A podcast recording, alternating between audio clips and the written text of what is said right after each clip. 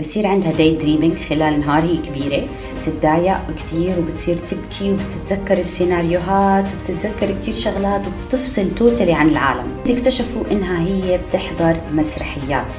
هاي المسرحيات كانت خيالية لأنها كانت كتير صغيرة خاضت التجربة كتير بواقعية فهون أخذتها كأنها حياة حقيقية بكل معاني الكلمة.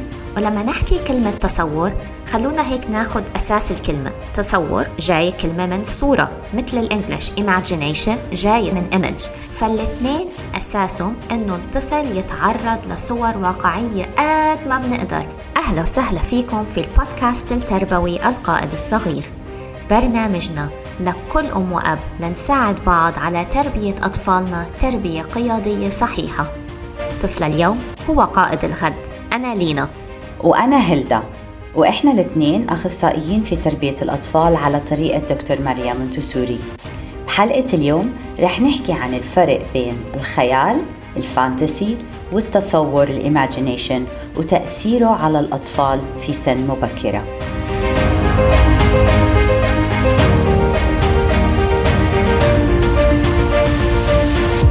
هلدا عندي خبر لإلك مش كتير حلو. أيوة. والخبر هو إشي بموت بعالم ال fantasy وأنا على ما أظن إذا قلت لك ما رح تنبسطي كتير. وإذا غنيت أغنية Let It Go رح تجيلك جلطة وما رح تنبسطي كتير. oh my Let It Go ترجمت للغة العربية. كلماتها كتير حلوة بصراحة. بس آه، هاي هي إذا عم بنقول fantasy فهاي هي قمة ال fantasy. إذا إذا سمعوا الأغنية من غير ما يشوفوا الصور اللي ورا هالأغنية كتير حلو.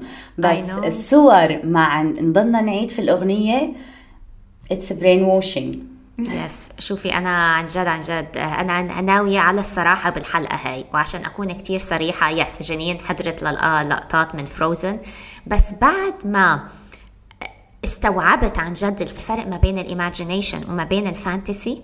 لا صرت كتير هيك صار دمي هيك يكون على نار وقلبي يغلي. إذا شافت أي لقطة من فروزن وصرت اوقف وأقول لها جنين هذا مضر للمخ ما في أي بنت بتطلع من إيديها ثلج ونقلب. وبطلت تطلبه ابدا بصراحة الحمد لله يعني which is good.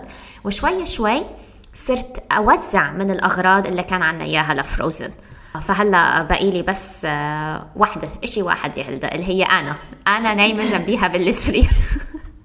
لسه ما قدرت أوزعه بس حيتوزع سون yeah. بس حتى تعلق الأطفال إنه لازم كل إشي يكون فروزن ونشتري شنطة فروزن أو نشتري هذا. شوفي أنا وقعت بالفخ وتماما بطلت أعمله. خلص صار عندي رفض قاطع يعني. Yeah. بس يا بصيروا حياتهم كلها حوالين هذا هذا الفيلم. آه. حياتهم كله حواليه حياتهم كلها ألسا حياتهم كلها أنا. فبطلت أتحمل الموضوع أبدا. ف فبتحسيها هي عم تضيع بوقتها صح؟ حسيتي هذا الشيء؟ آه حسيت في تضييع لوقت yes من ناحية إنه تفرجنا على الفيلم أكيد إنه يعني أنا شو عملت بوقتك I would rather إنك تكوني قاعدة ما عم تعملي ولا إشي من إنك تتفرجي على هيك إشي أنا طول عمري من مش من مشجعين ال screen للأطفال ابدا. بحضر بال weekend ربع ساعة ال weekend يوم الجمعة ويوم السبت ربع ساعة ربع ساعة. بس بحط لها إشي يا ناشونال جيوغرافيك كيدز يا انيمال بلانت أو عندها الكرتون المفضل تبعها هي عبارة عن بنت والبنت مرسومة بشكل واقعي عندها حصانة. فبنت وحصان وجنين بتموت بالأحصنة فيعني ربطنا الكرتون مع الواقع. بس أكتر من هيك أبدا أبدا أبدا وصرنا نوقف وقفة إحنا محظوظين هلأ إنه العالم كله عم بيصحى على التأثيرات هاي وعم بيوفروا material على التلفزيون وعلى ال tablets حقيقية Yes. قريبة للواقع لعشان تخدم خيال الطفل اللي هو التصور ال imagination وتقيم ال fantasy فبالحلقة اليوم رح نعرض المواد والخبرات اللي بنقدمها لأطفالنا ومن هاي المواد هي الشغلات اللي بيحضروها طبعا وخصوصا الخيالي منها وكيف بتأثر على عقله. وهون لما نقول الخيالي قصدنا ال fantasy خصوصا ال fantasy وكيف بتأثر على عقله. هاي الحلقة رح كتير إن شاء الله تفيدنا وتفيد أطفالكم لبناء عقل صحي غير مشوش بين الخيال والواقع. قائدنا عايش بأرض الواقع وضروري يربى على الواقع ويشغل عقله بما هو مفيد بعيد عن الخيال عشان يقدر يقود. كل القادة اللي عرفهم التاريخ عاشوا طفولة واقعية مع أبطال واقعيين اتعلموا منهم حضروا مجالسهم وسمعوا قصصهم. ورياضاتهم اللي شاغل وقتهم ورياضاتهم كانت الفروسية السباحة الرماية القراءة الدراسة أشياء لغاية يومنا هذا بحبوها أطفالنا. ولنتعرف على هذا العالم ونكون ملمين فيه لنقدر ناخد قرار ضروري كتير نفهم ثلاث شغلات. أول شيء شو الفرق بين التصور ال imagination والخيال ال fantasy؟ في كتير ناس ما بتقدر تميز بين هدول التنتين فرح نشرح لكم بالحلقة اليوم بالتفصيل الفرق بيناتهم. ثانيا كيف عقلنا بيتعلم وبيكتسب المعرفة؟ لأنه ضروري نعرف كيف تأثيرهم فبدنا نقيس تعلم والمعرفة للعقل الطفل ثالثا في أي عمر الطفل بيقدر يقول إنه هذا مو حقيقة هذا خيال؟ التصور الإيماجينيشن بيساعد الطفل ينظر على الشيء من منظور آخر وبيساعده إنه يطور الخبرات والأفكار. بخليه يقدر يتخيل موقف وكيف رح يتصرف فيه أو يتعامل معه. التصور بيعبي الفراغات بين المعلومات وبيساعدنا نخلق منها خريطة عقلية فكرية لنقدر نفهم العالم اللي حوالينا. مثلا لما ندرس خلايا الجسم الإنسان أو الأعضاء الجسم الإنسان بنغمض عينينا وبنصير نتخيل إنه كيف كل عضو بيشتغل وشو وظيفته. هذا من التصور. ولهيك في ثمان أنواع للتصور. منها الخيال الاستراتيجي الخيال العاطفي الخيال غير واقعي اللي هو مسؤول عن اختراع القصص والصور والمسرحيات والقصائد. بهذا النوع من الخيال الطفل بيتعرض لسيناريوهات غير واقعية غير حقيقية لا تمت بالواقع بصلة بل وتتعارض مع الواقع. ولما نحكي كلمة تصور خلونا هيك ناخد أساس الكلمة تصور. جاي كلمة من صورة مثل الإنجليش imagination جاي من image. فالاثنين أساسهم إنه الطفل يتعرض لصور واقعية قد ما بنقدر. منشان هيك أساسي بمرحلة الولادة لثلاث سنين مثل ما كتير حكينا العقل الإسفنجي نعرضه لصور نعرضه لانطباعات لخبرات كلها من أرض الواقع. تصور صور. ورد شجرة حوت دلفين لما يتعرض الطفل للصور الواقعية هاي بيقدر ينمي هو حينمي صور ذهنية أكتر عليها بس أساسها حيكون أرض الواقع. وماريا مونتيسوري من الناس اللي كتير بتشجع التصور وال imagination. لكن للأسف كتير ناس كمان مش فاهمين هذا الموضوع صح؟ وكتير بلوموا المونتيسوري system إنه المونتيسوري system حارم الأولاد من التصور حارم الأولاد من الخيال وال imagination. لكن هي بصراحة مونتيسوري اللي فهمت الموضوع صح. وتأثرت هون بنظرية بياجي اللي هي نظرية الاستيعاب والترتيب إنه لما الطفل بالعقل اللاواعي من الولادة للثلاث سنين بمر بعملية اسمها استيعاب وترتيب. بيستوعب المعلومات وبيرتبها بال folders بالملفات الصح بعقله. يعني لما الطفل يشوف أسد حيخزنه بملف الحيوان. لما الطفل يشوف آه، شجرة حيخزنها بملف الطبيعة وهكذا. لما ماريا مونتيسوري اتأثرت بهاي النظرية وعرفت كيف الطفل بيخزن المعلومات بعقله قررت إنه جميع مدارس مونتيسوري تدار على أرض الواقع. وبنعرض الطفل لصور واقعية قد ما بنقدر ومن هون الطفل راح ينظر للغرض اللي قدامه. نظرة واقعية فأنت أعطيته أساس متين في الذاكرة ولما بده يتصور عنده حيتصور أشكال واقعية يرجع لها وخصوصا من الولادة للست سنين. هلأ من الولادة لثلاث سنين الطفل بيكون بالعقل اللاواعي. وبليز احضروا الحلقة اثنين. بتحكي بالتفصيل كمان عن العقل اللاواعي وكيف شكله كيف تقدروا تميزوه كيف تقدروا تتعاملوا معه. بهذا العقل بصير الإدراك بصير ترابطات عقلية اللي هي بتعلم الإنسان واللي بيكسب منها المعرفة. فهي ترابطات بين الإدراك الذاكرة اللغة والتصور. وكمان أهم إشي المشاعر اللي بتحفز على بناء الرابط بينهم. لهيك أوقات مثلا بتشمي ريحة بتروح لميموري بتتذكري إنه موقف معين. وأوقات بنشوف صورة عادية بتكون بس تاخدنا الميموري لملف الخوف فبنصير بنحس بالخوف. وظيفة العقل اللاواعي هي امتلاك المعلومات وتصنيفها وتطبيق هاي المعرفة من غير انتباه. عندي هون مثال عشان تعرفوا كيف التعلم بالعقل اللاواعي والفرق بين التعلم بالعقل الواعي. باللاواعي كان في وحدة دايما عم تشوي دجاجة بتطلعها من الفرن دغري بتقسمها بالنص لتنين. جوزها كثير تضايق. إنه ليه بتعملي هيك؟ بتقول له هي هيك الدجاجه قال لها مين قال لك؟ قال أمي. أنا كل ما أمي تشوي دجاجه اول ما تطلعها من الفرن بتقسمها من النص. سو so هون هي شافت أمها شافت طريقة أمها كيف عم تقسم هالدجاجه وبتطلعها بتقسمها.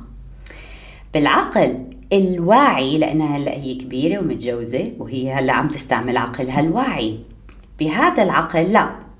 منتعلم لما ننتبه فبنلحق بروسس معين وتعليمات بنلاحظ الفروقات والتشابه. وبعديها بتخزن في الذاكرة.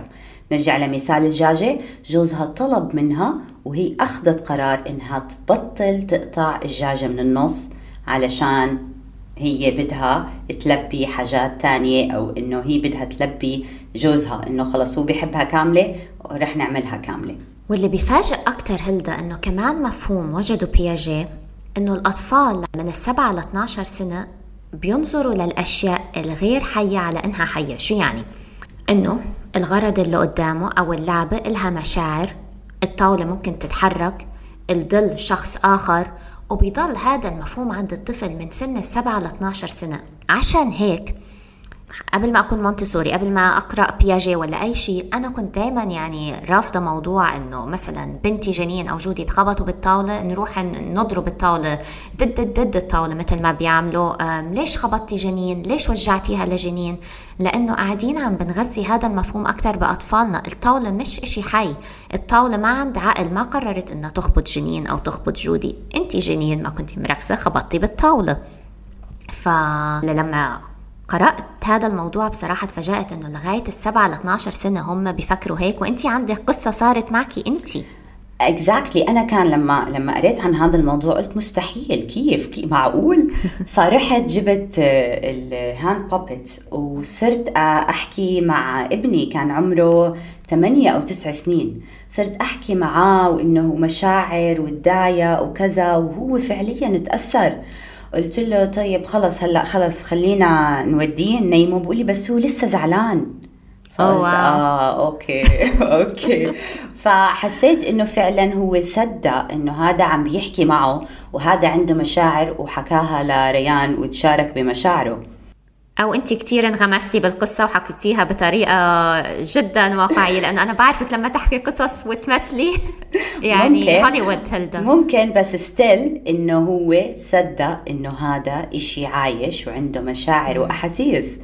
so, يعني هاي بتثبت نظرية بياجي إنه فعليا هم بفكروا كل الشغلات اللي حواليهم الجماد إلها روح وبتحس بالألم وبتحس بالسعادة إلها مشاعر. العقل اللاواعي لينا من خلال الحواس ببلش بتسجيل المعلومات وبيعمل رابط زي ما قلنا بالذاكرة طويلة المدى. أهم شيء هو دوره الأساسي ينتج توقعات معتقدات ورغبات. وإذا الموضوع فيه رغبات معناته فيها مشاعر والمشاعر هي كتير مهمة وهي يعني هلأ بتشوفوا هي سيدة الموقف زي ما بيقولوا. المشاعر متأثرة بطريقة حتمية في هذا البروسيس كله. وبالأول العقل اللاواعي بيقيم المشاعر بطريقة سعيد وغير سعيد. وهيك بأول السنوات بتعلموا. مثلا رمى لعبة طلعت صوت انبسط. آه برجع بعيدها كمان مرة. بسيناريو تاني مسك شي ساخن غير سعيد مش مبسوط منه انحرق مثلا بيوقف وما برجع يعمله مرة تانية. وهي بتطور المشاعر هي اللي بتطور الرغبات ليصيروا أهداف. وهم المشاعر برضو بيحفزوا الإنسان ليتعلم أكتر. لهيك بنقول للأهل العقاب ما بينفع فاحضروا حلقة العقاب. ولنقربها على الكبار راقبوا حالكم لما تكونوا عاطفيا سعيدين ومرتاحين. كيف بتنعكس على إنجازاتكم؟ كيف تنعكس على إرادتكم؟ بتصيروا بتحسوا حالكم يعني عندكم ال motivation ومتشجعين لتعملوا أي شيء بدكم إياه. اذا المشاعر إلها تأثير على حالتنا وتعلمنا والعكس صحيح. مثلا لما طفل يشوف أمه عم تخبز اهتم وشاف وشها عليه سعادة. بنى معتقد إنه هذا الشيء العجين عمل سعيد وجميل وربطها بالذاكرة الحسية. فمثلا شاف ال play dough عنده طلع البلايدو وقعد يعجن فيه وجربه واستعمل إيديه وغذى الذاكرة الحسية من خلال هذا العمل ولبى رغبته. وناخد مثال تاني. شاف رجل لابس بدلة. والبدلة هاي بتخليه يطير. اهتم انتبه سجل الموضوع هذا بالذاكرة الحسية. هلأ صار بده يجرب هذا الإشي راح لبس هو كمان بدلة. طب ما قدر يطير؟ قال لحاله أكيد في إشي غلط أكيد في إشي ناقص. راح جرب يوقف على الكنباي وينط ما طار. وقف على الطاولة وجرب ينط. ما طار أول درج وجرب ينط وما طار وفي أولاد بياخدوها يعني لمدى بعيد بيوقفوا على السطح وبيجربوا يطيروا. هون شو صار عنا؟ الرغبة موجودة لكن مش ملبية ما لبى رغبته وشعور الخذلان موجود. ليه أنا ما قدرت أطير؟ إذا هون بنثبت إنه عقل الطفل بيعمل غير عقل الكبير. الكبير لما يشوف سوبرمان عم بيطير ما رح يجرب يطير لكن الطفل رح يجرب يطير. وهون هلدا شوفي يعني أنا عم بحكي هذا الحكي وعم بتذكر طفولتي. كنت أحضر كرتونز أكيد يعني كنا كنا نحضر كرتونز وكنت أحضر كرتون اسمه سنبل سنبل خنزير صغير ما بعرف إذا المستمعين بيعرفوا سنبل بس كان كتير مشهور بالتسعينات صديقنا سنبل سنبل خنزير صغير ماسك مظلة وعم بيطير فيها. عمره ما تخيل لي أو تصور لي إنه الخنازير بتطير. أعطيكي مثال تاني. كان في كرتون كتير مشهور بالتسعينات اسمه طم طم طماطم طمطوم بندورة حمراء. و هذا كل اسم هذا اسمه. وهلأ بتخيله طماطم طم طم طماطم بس شفتي طم شفتي هذا بروفز ال ال كيف العقل بياخذ ال images وبتضلها موجودة بالذاكرة؟ يعني شغلة انت عملتيها أو حضرتيها ضلتها لهلأ موجودة. مكان experience شوفوا أنا هذا الموضوع كثير بضايقني عن جد. مكان memory مفروض تكون إشي practical إشي آه. عملي عملتيه وانبسطتي فيه وأنجزتي فيه وحسيتي فيه وأعطاكي حافز لتشتغلي أكثر فمكانه موجود شو قلتي؟ طمطم. بس بيجيب لي السعادة هذا الكرتون كان كتير يسعدنا لما نحضره. بس أنا ما يعني عمري بحياتي وأنا طفلة ما فكرت إنه الطماطم ممكن تمشي. وكان في صديقته اسمها ليمونة أنا ليمونة الحلوة. عمري ما توقعت إنه ليمونه بيمشي وبيحكي. yeah, بس بضل ال الأشياء ال objects اللي هي آه، الحيوانات وال والخضرة أو ال whatever بالبيئة بضل شوي بعيد عن واقع الطفل. أحسن كتير من Frozen و Spider-Man الاشياء اللي فيها ناس زيه. يعني هدول آه. زيه هدول زيي. فأنا بقدر أعمل اللي هم بيعملوه. بقدر يكون منظري زيهم لما أكبر. فأنت قصدك يعني لأني أنا وأنا صغيرة كنت شايفة طماطم كنت شايفة البندورة شكلها الحقيقي. فكتير صعب على عقلي لأنه عقلي already خزن شكل البندورة الحقيقي. فصعب عليه آه. يرجع يخزن إنه بندورة بتحكي. exactly. شو قلنا قبل؟ بالتجربة. التجربة مم. اللي بتلبي الرغبة عندك بمعرفة المعلومات. so انت لما رحتي شفتي البندورة انها قاعدة بالثلاجة ما في طماطم آه وقصتيها وأكلتيها فاستبعدتي. خلص واقعك ثبت وجوده. آه بس في أشياء تانية صعب كتير الطفل يجربها ويثبت واقعها. بتعرفي هلدا وهون بس عشان أقرب الصورة أكثر للمستمعين لأنه أنا هيك كثير تقربت لي الصورة. بتذكر مرة قلت لك هلدا جنين حضرت مدغاسكر على ال weekend. الفيلم كله. انت تنفستي وقلتي لي إنه لينا مدغاسكر نص مصيبة لأنه هذا عالم الحيوانات وجنين شايفه كثير حيوانات. فخليها تحضر حيوانات عم تحكي أحسن مما مثلا تحضر Frozen أو سوبرمان أو سبايدر مان أو Catwoman وهكذا يعني. ف yes أنا ساعتها هون تماما فهمت الموضوع إنه الفرق ما بين ال imagination وال fantasy إنه ال fantasy لا يمت ابدا بالواقع وأي إشي يعني الطفل ممكن يتخيل حاله عم بيعمله إنه بنت أو ولد أو رجال أو ست عم بيعملوا فهذا definitely fantasy وعم نأذي الطفل مش عم بنفيده بس بالزبط. يعني جنين تحضر مدغاسكر وبتقول لي ما في أسد بيرقص ما في zebra هيك بيعمل وهي قاعدة عم تحضر ف... okay. يعني هذا هذا بيورجيكي بعكس هي فاهمة واقع الحيوانات. لأنها شافته قدامها وجربت وتحركشت فيهم ولعلمك يعني في كتير ناس بضلهم يعني أنا واحدة منهم. أنا كنت أحضر بيل وسباستيان سالي كثير عيطت عليها وكثير تضايقت عليها. على سالي كلنا يا وكلهم كلهم بدوروا على أمهاتهم كلهم. فعن جد yes. الموضوع كثير أثر فيني. فمرة لدرجة إنه بعيد الأم كنت أبكي أبكي أبكي فكل شك إنه أنا أمي ما لها شيء بس قلت لهم لا لا بس أنا هيك بتأثر هذا الموضوع جدا حساس بالنسبة لي ليه؟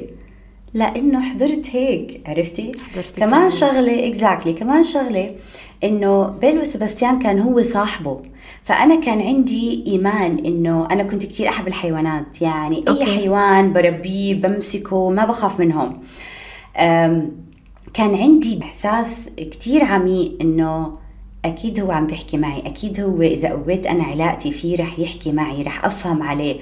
علما بإنه بيل وسباستيان الكلب ما كان يحكي كان بس يعوي. يعني كثير oh, كان realistic بس إنه still كنت حاسة إنه هو بس خلال التجربة مع الحيوانات ولا حيوان حكى معي بس you can bond مع الحيوانات تعملي علاقة بس علاقة غير بتستوعبي بعدين إنها العلاقة غير عن علاقة الناس إلها شكل تاني وهذا من خلال التجربة. وهون آه، كيف بلش هذا الموضوع؟ وكيف العلماء بلشوا يستوعبوه أصلا؟ في كتير علماء نفس منهم فرويد درسوا تأثير التعرض للخيال في الطفل ولما يكون في العقل بحالة العقل اللاواعي. من الولادة خلينا نقول ثلاث أربع سنين. وكيف هاي الخبرات بتأثر على الخبرات الواقعية للعقل الواعي؟ so, الخبرات بالعقل اللاواعي رح تأثر على العقل الواعي. فالعلماء انتبهوا لما إجتهم بنت بصير عندها daydreaming خلال النهار هي كبيرة. بصير عندها daydreaming وبتتضايق كتير وبتصير تبكي وبتتذكر السيناريوهات وبتتذكر كتير شغلات وبتفصل totally عن العالم. فبعد ما اجتمعوا إنه أكثر من دكتور يحاولوا يفهموا حالتها وحاولوا إنه يساعدوها لإنه إذا ضلت هيك رح تضل طول عمرها هيك ورح تزيد لأنهم عارفين العقل رح يضل يكبر الشغلات. وهي وظيفة هاي معجزة العقل.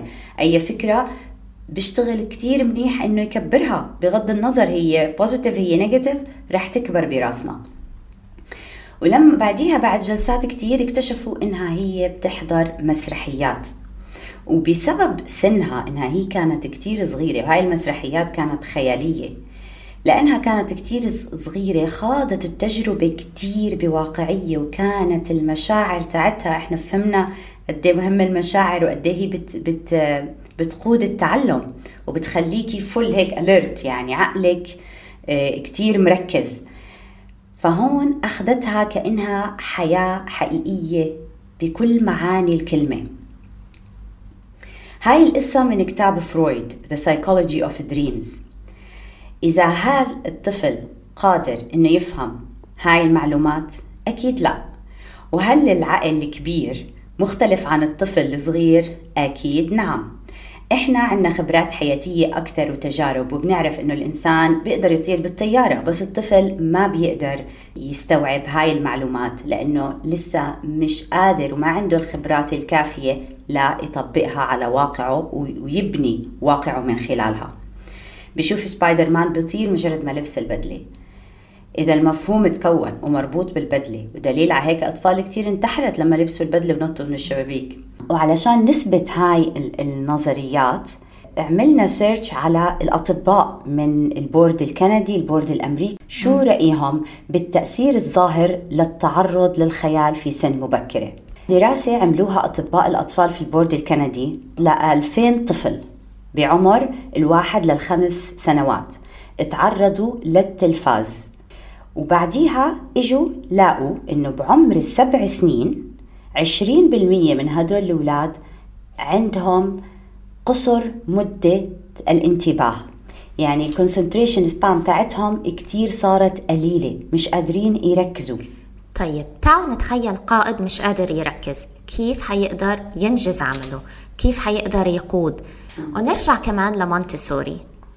مونتسوري بتسمي عالم الخيال اللي هو ال fantasy بتسميه انحراف عن التطور الطبيعي deviation لأنه بيأثر على التركيز فلتساعد مونتسوري الأطفال اللي بيتعرضوا لعالم الخيال شو عملت بصفوفها؟ صممت لهم material صممت لهم عمل مخصوص لإلهم تساعدهم في تركيزهم تعلي نسبة التركيز عندهم. قدمت لهم كتير من الأعمال اليومية اليدوية.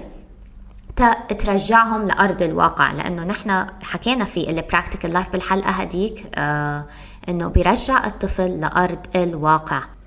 وما في مانع زي ما مونتسوري قالت هاي المعتقدات بدك اللي هي بعد الست سنين بدك كأنك عم تحفري بالخشب بالشاكوش عم بتقيميها بهالقد صعب تقيميها من عقل الطفل بكل صعوبة. فممكن انت إذا شفتي طفل عم بيعمل حركات سبايدر مان ممكن توقفي تقولي له ليه بتعمل هيك؟ ليه بتفتح إيدك وبتعمل هيك؟ شو بصير؟ حيقول لك سبايدر مان بس قولي له okay خليني أجرب أنا معك رح أعمل هيك. ما في شيء ليه ليه؟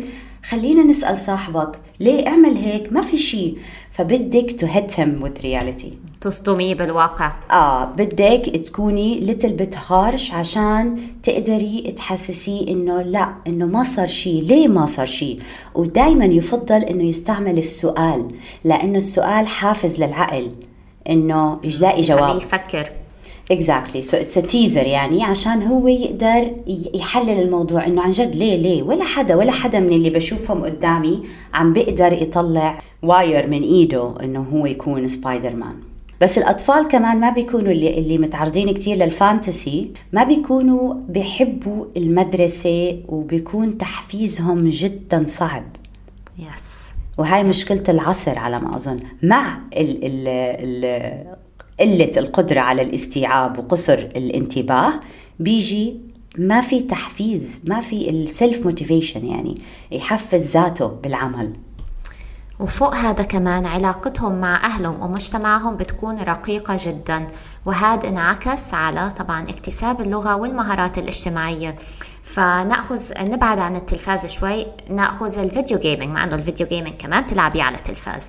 بس إنه ال video games ال video games كلها عالم الخيال لا تمت بالواقع بالصلة. فبتلاقي الطفل قاعد قدام ال video game حاطط كل تركيزه عليه. لا اكتسب لغة اكتسب طبعا لغة ال video game بس هي مش لغة أرض الواقع وما اكتسب مهارات اجتماعية. بدل ما يطلع برا ويلعب مع أصحابه بالحارة مثل ما حكينا من قبل قاعد قدام التلفاز عم بيلعب. العزلة الاجتماعية عد آه بيكون يا بيكون مثلا عنده هيك aggressiveness أو بيكون حزين ونحن مش فاهمين ليش حزين أو بيكون عنده اكتئاب ومش فاهمين طيب شو عم بيصير exactly exactly. بس بدي أشرح شغلة عن العدوان والحزن إنه بيكون زي البنت اللي عم تعمل فوق حكينا عنها daydreaming بيكون تخيل سيناريو وهذا السيناريو خلاه يحس بهاي المشاعر وصار يورجيها برا. ونفس الشيء الحزن الغير مبرر بيكون عاش بسيناريو حط حاله بسيناريو. وهذا هو الخيال الفانتسي مش التصور الصحي. إنه نحط حالنا بسيناريو ونعرف كيف نتصرف وريفايزت وناخذ قرار. لا. هون بيكون حط حاله بسيناريو حزين وفعلا أثر عليه وكثير تضايق فيه. وطبعا إذا هو عنده عزلة اجتماعية معناتها مش قريب على عائلته مع وما عنده لغة اكتسبها فما حيفضفض لعائلته فإن هم ما حيعرفوا هو ليش حزين أو ليش عنده هذا العدوان. وهذا كمان بيخلي كتير من النزاعات تصير ما بين الأهل وما بين أطفالها وهلدا انت حكيتي عن ال board الكندي. خلينا نحكي عن مقارنة عملها ال board الأمريكي ما بين الأطفال اللي بتعاني من التوحد والأطفال اللي بتقضي وقت كتير على التلفاز. تقريبا بيشكوا من نفس الأعراض. الاثنين ما عندهم مهارات اجتماعية على سبيل المثال. وفي كمان لينا مرض اكتشفوه جديد اسمه fantasy prone personality أو بسموها over active imagination الشخصية المائلة للخيال. من أسباب هاي الشخصية انغماس الطفل في خبرات طويلة وعميقة في عالم الخيال وبيحس حاله إنه هو عم بيعيش بالحلم وبالخيال وبفقد الحس والتواصل بالواقع. وكتير صعب بعديها يميز بين الحقيقة والخيال.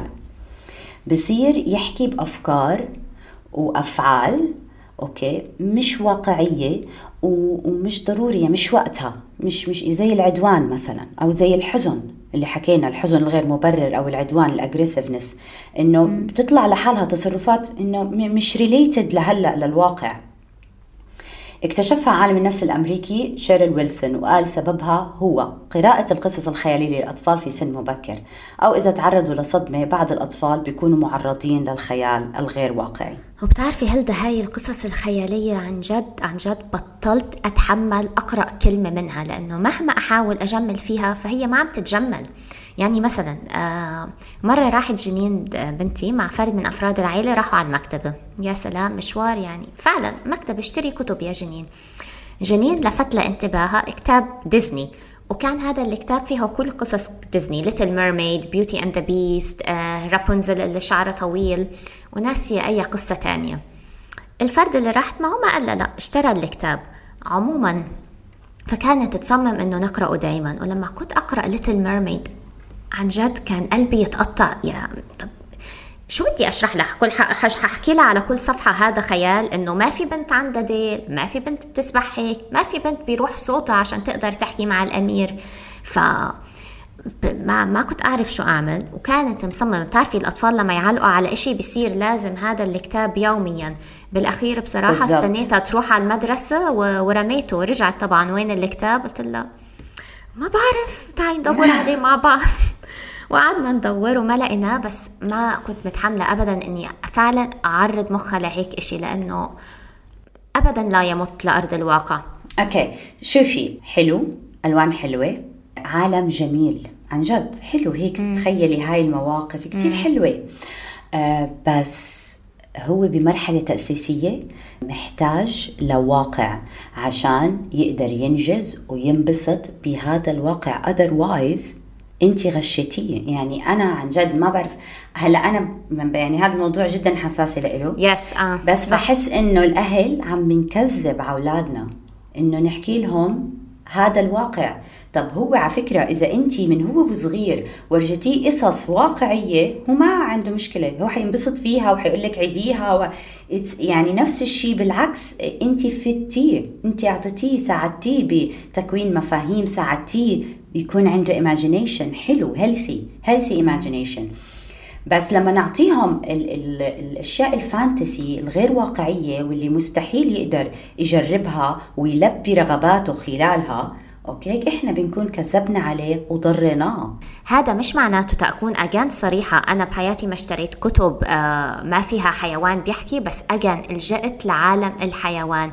قصة بطريق مش قادر يسبح. فأمه قالت له نط يا بطريق كون شجاع. قصة عن الشجاعة من خلال بطريق خايف إنه ينط بالمي.